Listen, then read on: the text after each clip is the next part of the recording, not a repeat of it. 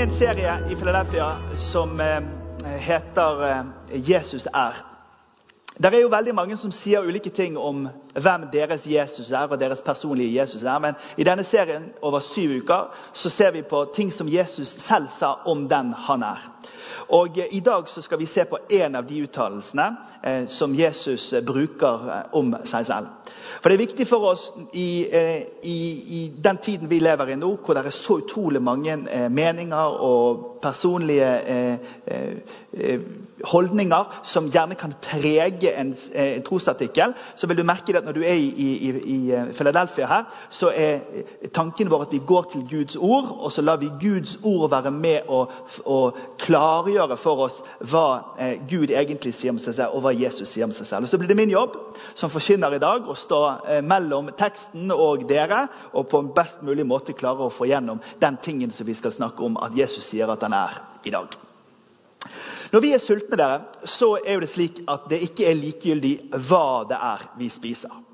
Eh, og Spesielt eh, når eh, man bor i vårt land, hvor man har såpass mye tid og såpass mange informasjonskanaler som skal fortelle oss hva det er vi burde spise, og på hvilket tidspunkt vi burde spise det for å være sunnest mulig. Og Det som jeg oppdaget med to tenåringsgutter med en forbrenning som russiske atomkraftverk, det er det at den mest krevende timen det er den timen fra de kommer hjem fra skolen og til jeg får servert i middag.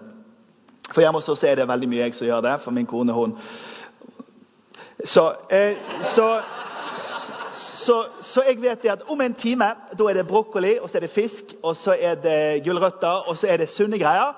Men den timen mellom der og maten, da våkner skapene hjemme hos oss. Den chipsposen som da var restene, den bare snakker. Og sjokoladen maser, og bollene til svigermor de, de, liksom kommer og spiser meg. Det er akkurat som det er en sånn eksistensiell krise, en makt, sånn maktkamp mellom det onde og det gode på kjøkkenet vårt. Og fallene dere, fallene er store i den timen hjemme hos oss. Fordi at når appetitten vår på noe skaper et sug i oss, så er det som oftest enklest å bare ta tak i det og bli mettet.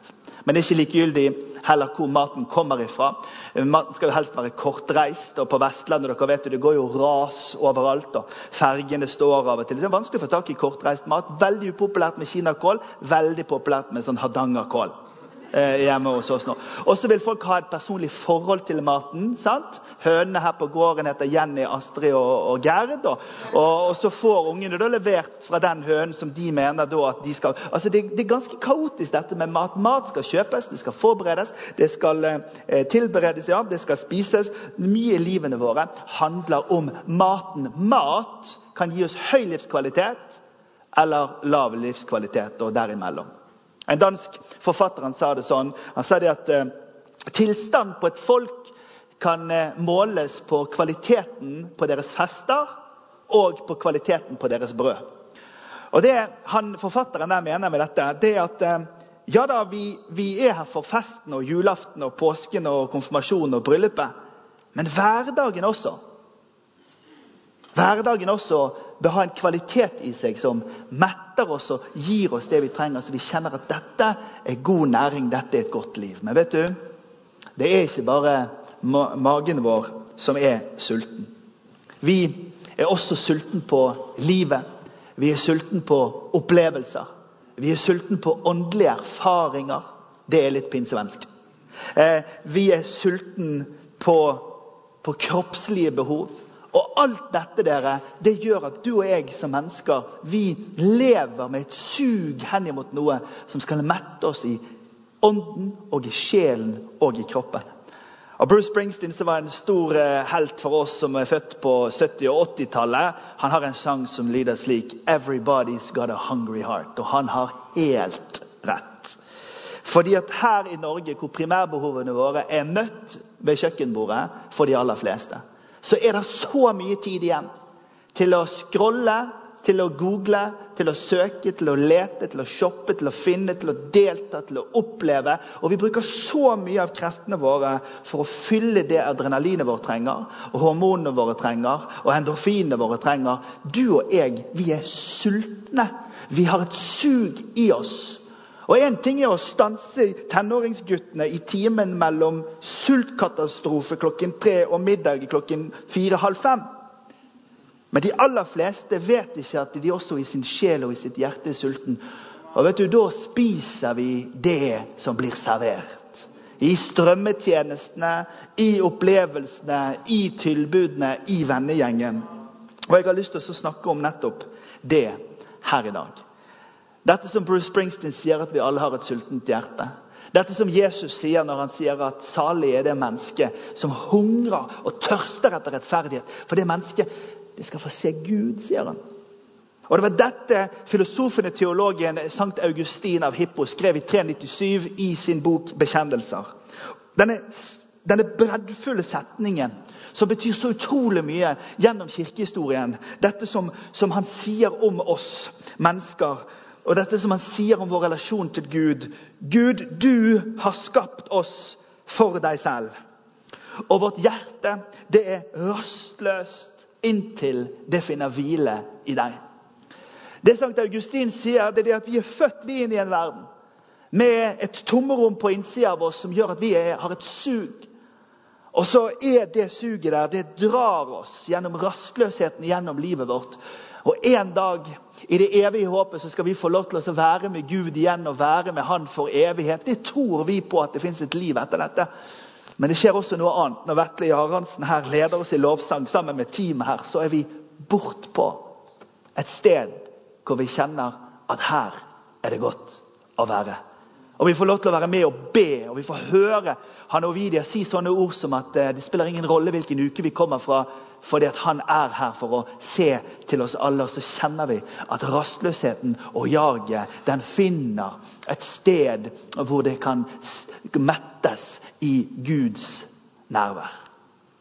En av de uttalelsene Jesus har om seg selv, dere, det er at han sier om seg selv 'Jeg er livets brød'.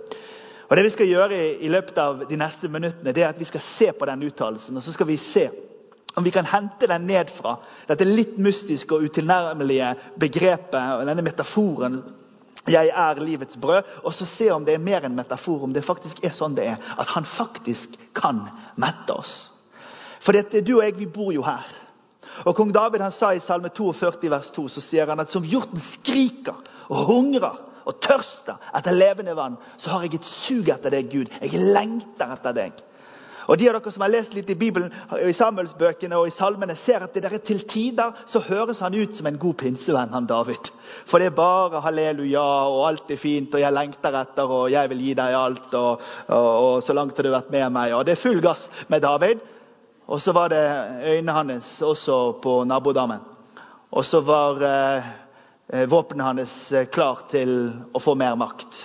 Og så levde han sånn som du og jeg lever i en buffé av greier som egentlig vil erstatte det vi egentlig trenger. Og i dette kaoset så reiser Jesus seg opp og så sier han, 'Jeg er livets brød. Jeg er her for å mette deg.' Du som tviler. Mette deg, du som har et sug etter. Du som tørster. Du som lengter. Jeg er her for å mette deg. Og jeg vil, jeg vil, at, du skal, jeg vil at du skal forvente at det skjer her i kveld. Det er også litt pinsevensk. Og tenker de at Gud han er faktisk her. Vi skal dele nattverd sammen. og Jeg skal vise hvordan dette henger sammen i løpet av de neste minuttene. Det er stort å få lov til å være med på. At Gud er ikke bare et minne for oss, men han er en som er ferskvare sammen med oss. Og det er han her i Filadelfia-kirken i kveld. Jesus, lett irritert, møter en gjeng i Kapernaum, det som kalles hjembyen hans. Eh, dagen før så hadde han eh, løftet opp nistepakken til en liten gutt, tatt brødene, brutt de og delt de ut til tusenvis av mennesker. Og de syntes det var fantastisk at de hadde fått gratis mat. Gratis mat er jo helt vidunderlig. Jeg husker mor hun eh, oppdro jo meg og min bror da. og eh, en gang, eh, for Vi spiste ikke middag når hun ikke lagde middag til oss. og En dag så bare ga hun oss et risengryn, altså ett gryn oppi en sånn, og så gikk hun på jobb. Bare for å si til oss nå er dere store nok til å klare å lage middag sjøl. Og disse tusenvis av menneskene som hadde opplevd at Jesus hadde gjort et mirakel, de var så glad for de hadde fått gratis mat. Så når de hadde spist, og så hadde de døst hen, sånn som besteforeldrene våre gjør etter de har spist middag, og de hadde sovnet, og det var tusenvis av mennesker som lå utover slettene der, så listet Jesus seg av gårde og sa han til disiplene vi stikker. Og Så gikk de over vannet, bort til Kapernaum. Men når de våknet, så tenkte de vi vil ha mer av mat. Fordi det var så enkelt å få tak i maten. Og så hadde de et annet spørsmål. Kan det være at han der mannen, Jesus fra Nasaret, er han vi har ventet på? For det ligner litt dette med brødet på det mirakelet som vi husker fra historien vår. Og Messias han skal jo komme og mette oss. Det kan jo være at det er han. Så de dukker opp. Tusenvis av mennesker står der foran. Og så går Jesus ut på trappen, og så sier han, 'Sannelig, sannelig, jeg sier dere.' Dere leter ikke etter meg fordi dere har sett tegn, men fordi dere spiste av brødene og ble mette. Busted. Dere kommer fordi dere er sulten. Arbeid ikke for denne maten som forgår, men for denne maten som består og gir evig liv. Den som menneskesønn vil gi dere, for på ham har Far, Gud selv, satt sitt seil. Så de kommer fordi de er sultne i magen. Men Jesus søker å løfte perspektivet deres opp fra sulten i magen fordi at det er en annen sult de trenger å få dekt. Ikke den i magen, men den i hjertet. Jeg har vært pastor i Bergen nå i 20 år og reist rundt omkring i, i dette landet. og Jeg har stått i så mange forbønnskøer og sittet i så mange samtaler, fått så utrolig mange meldinger på Messenger. Og jeg elsker arbeidet mitt. Og jeg treffer så mange som kommer. Når ekteskapet skranter, når helsen skranter, når krisen oppstår, økonomien er dårlig, ungene blir ertet, prosjektet ikke går igjennom på jobben. Vi springer i forbønnskøen for å søke Guds hender. Og så kjefter ikke Jesus. Men han justerer når han sier ikke arbeid for de tingene som er her og nå. Løft blikket og se på den jeg er.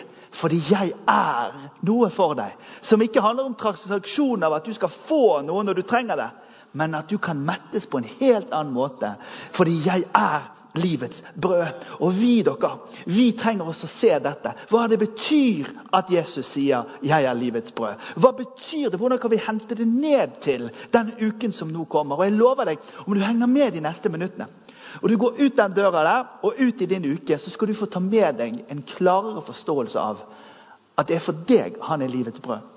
At du kan leve med han, at du kan leve av han, at du kan mettes av han og være mer bevisst på hvordan du kan mate det som er her inne, og være med og dele av deg til de som er rundt. Tror du det? Det var altså et innholdsrikt døgn de hadde bak seg. Og det var jo spektakulært med disse, disse eh, fem brødene og disse to fiskene. Tusenvis av mennesker. Johannes, som skriver, han har jo sin egen stil. og Det vet jo dere som Eh, er bibelkyndig her, men jeg bare er her for å oppdatere oss andre også.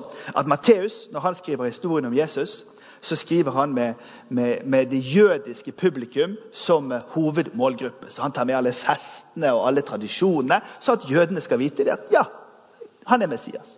Markus er skrevet til romerne, bare 16 kapitler, og det handler mye om ære og makt. og den type ting. Det er ikke noe juleevangelium i Markus' evangelium, for de trengte ikke noe juleevangelium. De trengte bare rett på sak. Sånn er det. Og nøkkelordet er 'plutselig'. Og Vi i Berg vi elsker Markus' evangelium, for det går fort, for det regner hele tiden. Så vi løper rundt omkring med podkast på ørene, og, og vi tenker liksom la det gå fort. Lukas er jo mitt favorittevangelium. Og det innrømmer jeg selv om jeg skal preke for Johannes. at Lukas, for dette i Lukas da, er, da, er sånn, da, handler det om de undertrykte. Da handler det om de lave. Da handler det om de fattige. Da handler det om de som er eh, utstøtt. Da handler det om de som er marginalisert i samfunnet. Da er det ikke eh, vismennene fra Oslo som får besøk av engelen i juleevangeliet. Da er det de som parkerer de der vognene på Ikea. Da er det vaskehjelpene på hotellet, gjeterne ute på marken. Det, det er som om Lukas sier alle skal med. Og så har Johannes sin egen stil. Og En av de tingene som jeg fikk litt sånn skrekken for når jeg studerte teologi, det var at Johannes han tar seg noen ganger friheter ved å plassere, flytte litt rundt på ting. Fordi at han ønsker å gjøre et teologisk poeng ut av noen av tingene som, som Jesus gjorde. Så det at han plasserer hendelsene i visse høytider og steder for å underbygge et poeng. Er dere med på den? Så derfor så Når vi leser Johannes evangelium, så må vi være veldig observant på hva virkemidler er det han bruker, og hvordan er han plasserer dette. Og Nøkkelen her er brødet. Brødet er det avgjørende. Han bruker brødet for å få gjennom et poeng til oss. Brødet som Jesus løfter opp denne dagen han metter disse tusenvis av menneskene, det er på en og samme tid hverdagslig som det er spektakulært. Det er forgjengelig samtidig som det er uforgjengelig. Og det er her og nå samtidig som det er evig. Og For å sette dette i riktig perspektiv så sier han til disse folkene som står foran den den dagen, han sier dette er den gjerning Gud vil dere skal gjøre. Og her er det det åpner seg opp. Han sier, 'Tro på Ham som Gud har sendt'. Altså, De står med kneipen i hånden, men han sier, 'Løft blikket fra det brødet til Han som Gud har sendt'. Hovedpoenget med den historien vi i dag går igjennom, er ikke brødet, men det er det brødet peker på, nemlig Jesus som er kommet til oss. I kirken i vår i Bergen har vi en mann som heter Julian Misic. Han slekter litt fra Balkan, han er en fantastisk musiker. Han skrev en sang til oss i kirken vår eh, for eh, litt siden, i påsken. Og Den sangen den heter 'Sannheten naglet'. Og I den sangen så skriver Julian om sitt liv som rusavhengig og forteller om mye av mørket som han har vært med på i livet sitt. Eh, mye av eh, de tingene som har eh, gjort at han har, har, levd et ganske destruktivt liv. Han har vært nøktern i mange år nå, men han innrømmer at han kjenner et sug utover til sitt gamle liv, samtidig som han har fått blitt mett av Guds omsorg og kjærlighet. Han sier gamle dører står på gløtt Gamle ulver hyler støtt.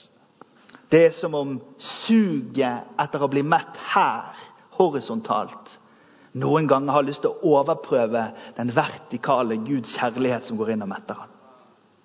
Men Julian sier veldig tydelig at eh, det å få lov til å komme inn i en kirke, det blir en del av en smågruppe hvor han ofte kan være sammen med en dataekspert, en syrisk flyktning, en kristendomsstudent og han sjøl som suspekt rocker, det har lært han en viktig ting om det kristne troen.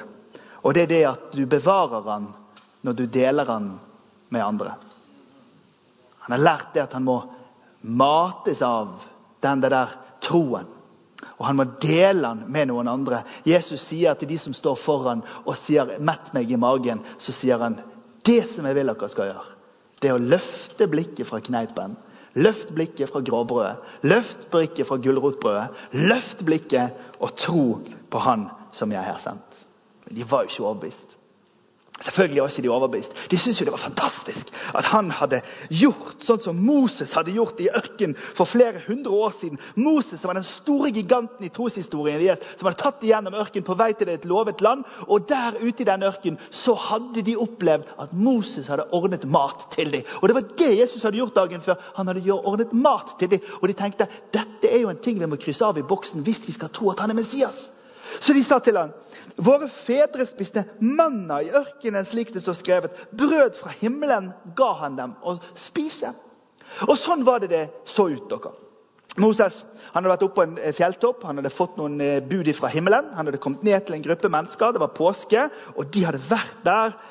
Og så var de sultne. Og de tenkte kan noen ringe til Domino's? Kan noen eh, få, få, noe eh, mat på døren her? Dette går ikke. Og så En morgen så åpnet de opp teltduken, krøp ut av Ayungelak soveposen og stirret utover dugget som lå utover bakken. Og så spurte de dette spørsmålet på hebraisk. Hva er det? Det ordet manna det er det samme som altså da, hva er det? Det er et spørsmål. Manna. Og eh, Jeg lærte når jeg var, eh, når jeg var eh, student, at du kan jo fake at du kan hebraisk ved bare å uttale det. Så, så, sånn, og Da tror folk at han har peiling. Men jeg har egentlig ikke peiling, så vi bare leser det sånn som det står. Manna. Jeg har glemt det hebraiske. Det er veldig komplisert å pugge et sånt språk som du ikke bruker mye på Kiwi. Det, så, så, er det stort sett bare manna jeg har igjen. da. Og så har jeg igjen det der Så husker jeg Evian. det, har vi Evian drikke i Norge? Det, det er vannet. Vet du hva det er på hebraisk? Det betyr dyrt. ja, så, så manna. De spør altså hva er dette og Nå står de foran Jesus og sier du er like stor som vår forfader eh, eh, Moses. Han ga oss mat i ørkenen. Og Så må Jesus korrigere dem og si at nei, det var ikke, det var ikke Moses som ga dere mat i ørkenen. Det var Gud som ga dere omsorg og mat i ørkenen. Og De sto den gangen i ørkenen og spurte hva er det Men denne dagen så sto de i Kapernaum og så spurte de hvem er dette? Hvem er dette som gir oss mat her?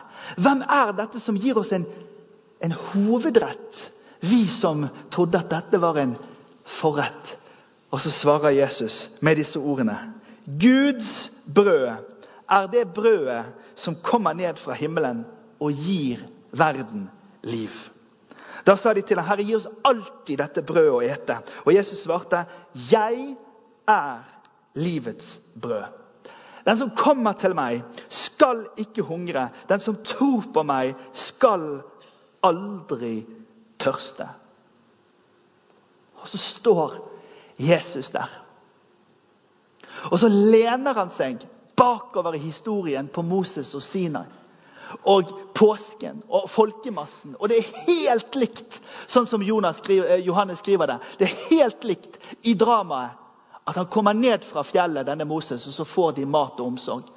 Og så er det helt likt til situasjonen som Jesus hadde gjort dagen før, hvor han også gir det. Og så løfter han opp dette brødet, og så bryter han det, og så gir han det ut til alle mennesker. Og på den måten så viser Jesus at han er historiens herre.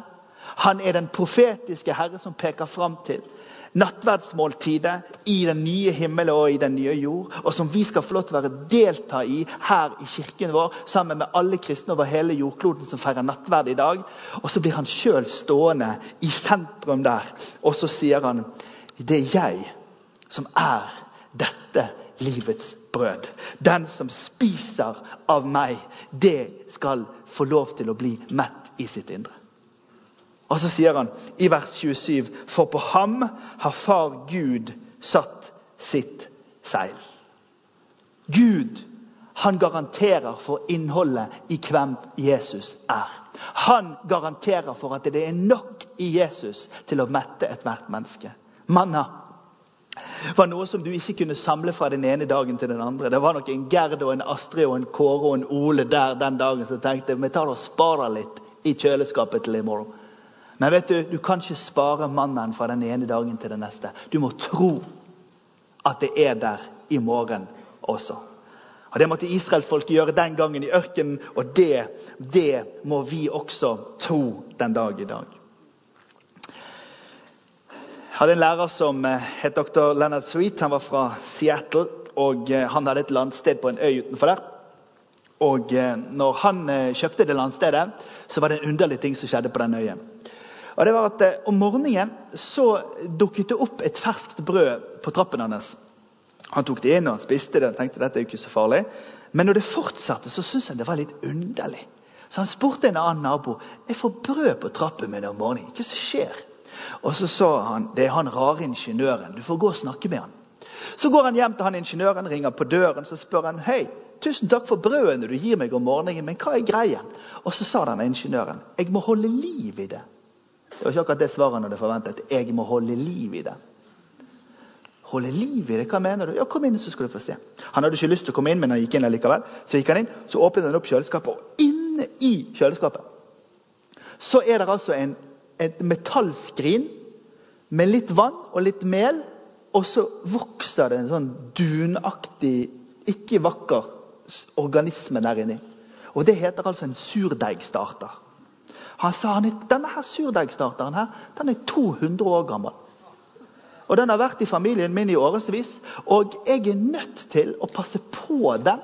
Jeg er nødt til å ta ut litt surdeig hver dag.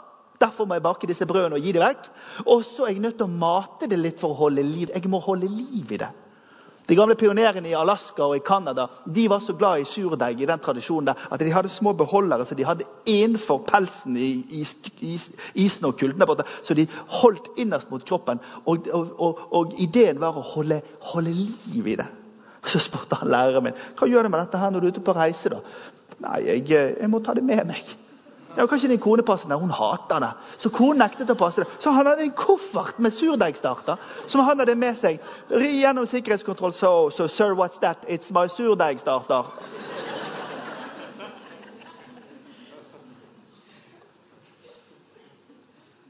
Jeg må gi det vekk for å holde liv i det. Jeg er nødt til å mate det litt hver dag for å holde liv i det. Jeg er livets brød. Jeg er livets brød. Og så hadde han ingeniøren kontroll på at hun damen der borte hun er veldig glad i gulrotbrød. Og han liker grovt. Hun liker bare knekkebrød, for hun er sykt sær. Og så er det en annen vestlending som liker kneip. Og Når Jesus kommer til oss, så vet han hva vi liker. Han vet hvilken smak som når, når frem til vår gane. Og så gjør han alt han kan for å være det livets brød som når frem til oss alle, og som kan mette oss hver eneste dag. Jeg har oppdratt tre barn hjemme, og eh, Kiwi-butikken vår er bare noen hundre meter borti veien. Og det er et stadig krav hjemme hos oss om at vi skal ha ferskt brød. Og Det fins tider hvor vi foreldrene forsøker å lure våre barn og sier ja, men det er ferskt brød. dette. Det var ferskt i går. Nei, sier guttene til meg. Konseptet ferskt brød kan bare opprettholdes ved at det fornyes hver dag. Jeg er livets brød. Manna, ikke spar fra i går. Forvent nytt i dag. Du må forvente at han som sier 'jeg er', han er det for deg i dag og i morgen og i uken som kommer. Men det forventes en friskhet rundt det. Du kan forvente en friskhet rundt det. Jeg eh, var med i Speideren i åtte år. Mor mener at det er grunnen til at jeg ble så utrolig snill. Jeg mener det er andre grunner. Men jeg var også sånn som møtelederen her. Hadde jeg noen steder ja, i mørket. Jeg, jeg, jeg, også. Og en av de tingene var at vi drev sånne nattmanøvrer og sånn. Jeg skal ikke gi alle mine bekjennelser her, men vi har stått for politiutrykninger og gjort mye, mye slemt opp igjennom. Eh, men, men, dette var en snill variant. Vi var i, i Ryfylke, vi var på sånn nattmanøver. Eh, og jeg hadde med meg noen gutter der, åtte stykker jeg hadde ansvar for. Eh, og vi hadde sovet i, i et sauefjøs oppe i fjellet med presenning over. Og så Før vi la oss om kvelden, hadde vi spist en halv kylling og en chipspose hver uten drikke. Og Det er klart at det, det skaper ikke bare mareritt, hallusinasjoner også. Bilder om, eh, om, eh, om, ja, om ting som, som, kom flyvende, som ga oss drikke. Og Vi var så desperate når vi var våkne, våknet om morgenen, at vi så på kartet, og så sprang vi i retningen der vi så en blå flekk. Vi bare Glem hakkespettboken. Alle gode råd. Finner vi vann, vi kommer til å drikke det tjernet tomt. Og vi så da vi kom over en kolle, så så vi vannet og slengte oss ned på knærne. og Du skal alltid ta av ryggsekken før du begynner å drikke. Det gjorde ikke vi. Så ryggsekken ble med, dvs. Si at hodet gikk med ned også. Og vi drakk fra flo til fjære i det lille vannet. Og jeg tuller ikke. Men når vi reiste oss opp sånn og så ned, så var det en sånn rogalandspadde med buken i været som lå død 1,5 meter bortenfor oss. Og det er klart, Vi var ikke friske resten av den dagen. vi. For I Hakkespettboken så står det at du skal alltid sjekke om det renner vann inn og ut før du drikker. Fordi helse opprettholdes hvis det er friskt. Jeg er manna. Jeg er livets brød. Jeg kan du forvente at kommer til deg på en frisk måte i går og i dag og til evig tid. Og Da spør jeg dere mot avslutningen her.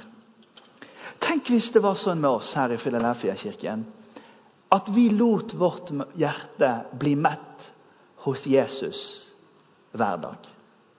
Tenk hvis vi som har primærbehovene våre dekt ved kjøkkenbordet, de fleste av oss. Vi som har sultne hjerter. Tenk hvis vi klarte å opparbeider oss en appetitt på Jesus. Som gjorde at han får i alle fall lov til å fylle det som hjertet trenger. På en daglig basis i våre liv. Tenk hvis vi kunne opparbeide oss en appetitt som gjør at vi gjenkjenner den smaken han kommer til oss i. Sånn at når vi kjenner oss truffet av Jesus, så kan vi snu oss, og så kan vi la andre få lov til å bli truffet av Jesus med den smaken i brødet som de kjenner appetitt for. Tenk hvis vi kunne være sånne som fordi vi har matet det litt hver dag, kan være med å gi det bort litt hver dag også. For Julian han sa det så godt med disse ordene. Den sikreste måten å bevare den troen jeg har fått på, det er å dele den med andre. For dette skal vi holde liv i det. Så må vi mate det litt, og så må vi gi vekk litt. Og så må vi mate det litt, og så skal vi få lov til å gi det litt. Skal vi reise oss opp, og så skal vi be sammen.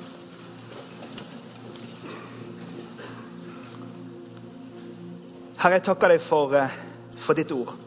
Jeg takker deg for at ditt ord er under Den hellige ånds veiledning og tydelighet.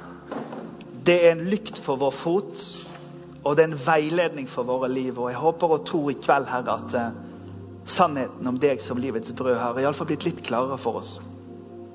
Og nå ber jeg for de av oss som under ordets forkynnelse i kveld kjenner det at ja, det er jo mitt hjerte jeg trenger å mette i nærværet til Jesus. Jeg ber for de herre, som kjenner akkurat nå at eh, jeg gir meg til å bruke tid og la mitt hjerte mettes i ditt nærvær. Jeg ber for de dagene og de ukene som kommer. La det skje, Herre.